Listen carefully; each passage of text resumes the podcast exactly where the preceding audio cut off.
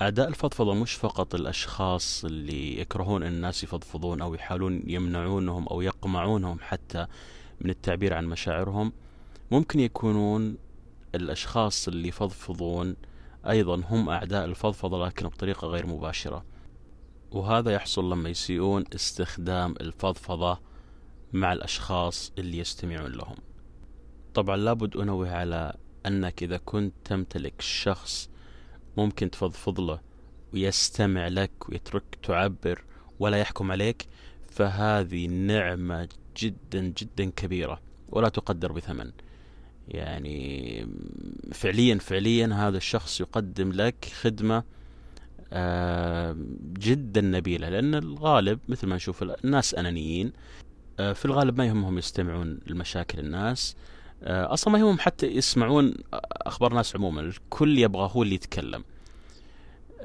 فلذلك وين المشكلة تحصل؟ لما الأشخاص يختارون أشخاص معينين يستمعون لهم يبدون يسيئون استخدام هذه الميزة بأنهم يبالغون يصيرون خلاص أي شيء يحصل لهم يبدون يفضفضون لهؤلاء الأشخاص.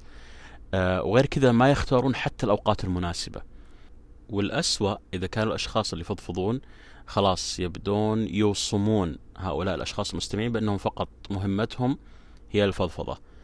آه خصوصا إذا كانوا أصدقاء لهم. يصيرون أبدا ما يعرفونهم إلا في وقت الفضفضة فقط. أما بالأوقات اللي يكونوا مروقين فيها ما يكلمونهم ولا ولا يدرون عنهم حتى. هذا يؤدي أن الشخص المستمع مع الوقت يعني خلاص ينضغط وينفجر ما عاد يتحمل. وللأسف يعني من اللي ألاحظه هذا الشيء يتكرر كثير.